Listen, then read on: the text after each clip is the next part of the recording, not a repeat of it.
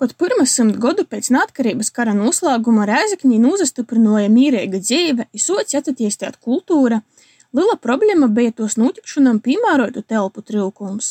Rēzekņī bija vajadzīgs tautas noms. 1923. gada 8. novembrī notika pirmo vietējos kultūras veicināšanas biedrību daļinieku un sabiedriskos darbinieku apsprīde. Jī ievēlēja komisiju, kurai nosprīda līdzekļu vokšanai sarīkot bazaru un teātra izrodi. Nokušajā gadā pabalsts tika lūgts valdībai, un pēc to saņemšanas arī nopirkt zemes gabalus tautas nama celtniecībai. 1924. gadā izveidoja Rēzekņas tautas pils celšanas biedrība – kuru vadīja Jēzus Strasuns. Tautaspils projektu izstrādāja arhitekts Arnolds von Maidels. Tas bija cīži grandios. Teātra zāle ar 800 sāģvītom, atsevišķa koncerta zāle, restorāns, veikali. Tik līdzekļu trūkums lika biedrībai pieņemt lēmumu, ka labāk ir pirkt jau kādu asūšu āku un celt tautaspili no jauna. 1926. gadā biedrība par 96,600 latu nopirka pirmā kara kai teātri izmantoja to abatai sauktu Losāna sātu, kā arī tai klota nesūšo pūļu gimnāzijai sāku saimistības kurmus sadu, kas atceroda broļu skrindu i globieju īlas stilrī. Jau divu mēnešus pēc nopirkšanas 24. oktobrī tautas nomu atklāja ar Latgulas teātra izrodi Indrāņi izsvinīgom vakariņom. Pēc to ākā sociās nopietni porbūvis darbi. Aktieris Antons Varslavāns atmiņojas raksta, ka telpas kultūras pasaukumu rēkošanai da to nav bijušas kultūras pilis vorda cīņīgas, raksturojot to kā šķīvņam liedzīgu sarkanu ceglu sātu. Garīdznieks Joņs Velkame, kurš biedrības darbības sokumā bija tos kasieris raksties, ka āka sastāvējusi viņu četrstūrainas teātra telpas i garderobis. Telpas bijušas šauras i naglietas, skotuve īkortota primitīvai, Pēc tam skotuvis esūšos ģērbtuvis i grimmātavus atgādinojušas putekļainu ladaiņu soltu pogrobu. No sākuma Tautaspils porbūves plana izstrādāšana tika uzticēta Frančam Kempam, tok jo īcere neizapelņāja biedrības vadības atbalstu. Projektu porstrādājot uzdeva Rēzakņī dzīvojošajam arhitektam Pāvēlam Pavlovam. Tautaspils celtniecībā izmantoja vietējos materiālus - ceglus no kalkūnu, akmeņus, ko pīveģi apleicīja zemnieki, kūkus no Janopolis sila. Pēc Paulova projekta porbūvēto āka bija daudzi pīticīgāka par Maidela projektu.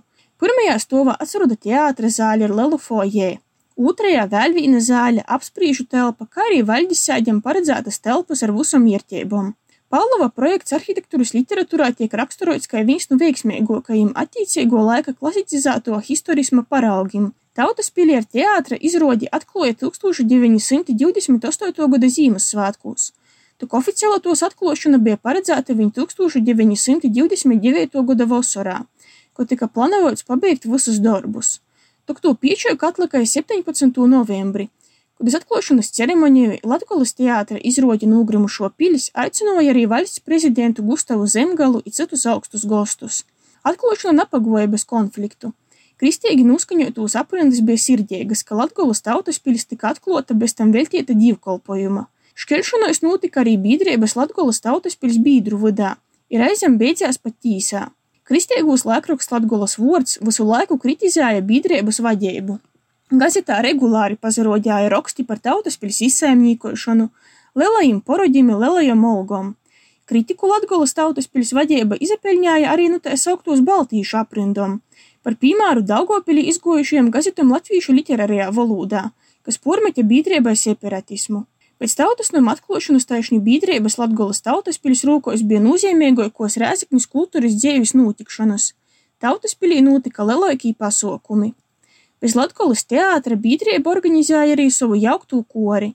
Sākumā tam nevarēja atrast dirigentu, par to, ka vadība esot gribējusi atrast eistu meistaru. Biedrības vadītājs Jēzus Strasuns izzinos, ka ilgāku laiku bez darba savā rakstura dēļ ir labi zināmais dirigents un komponists Emīlis Melngailis – i pracīju pierunot strādājot Rēzekņī. Melngailis darbu soca 1929. gada pavasarī. Ja vispirmo mēģinājumu atgojuši 50 potenciāli dzīvotāji, i tūs pulks was augs. Melngailis izveidojis pieciegu kori, ko aizvec arī koncerturnejā iz Reigu. Tī diriģents piedzīvojis eistu triumfu, parodot reidzinīkim, kādu talantu ir pagaisinojuši. Likumsakarīgai, ka pēc to Melngālis sajiems darba pīdāvājumu galvaspilsētā par daudz lielāku algu, ir Rēzekņi pamets. Pēc jo Latgolas tautas kori dirigēja Sergejs Duks. Tautas telpos darbojas arī muzikas skola.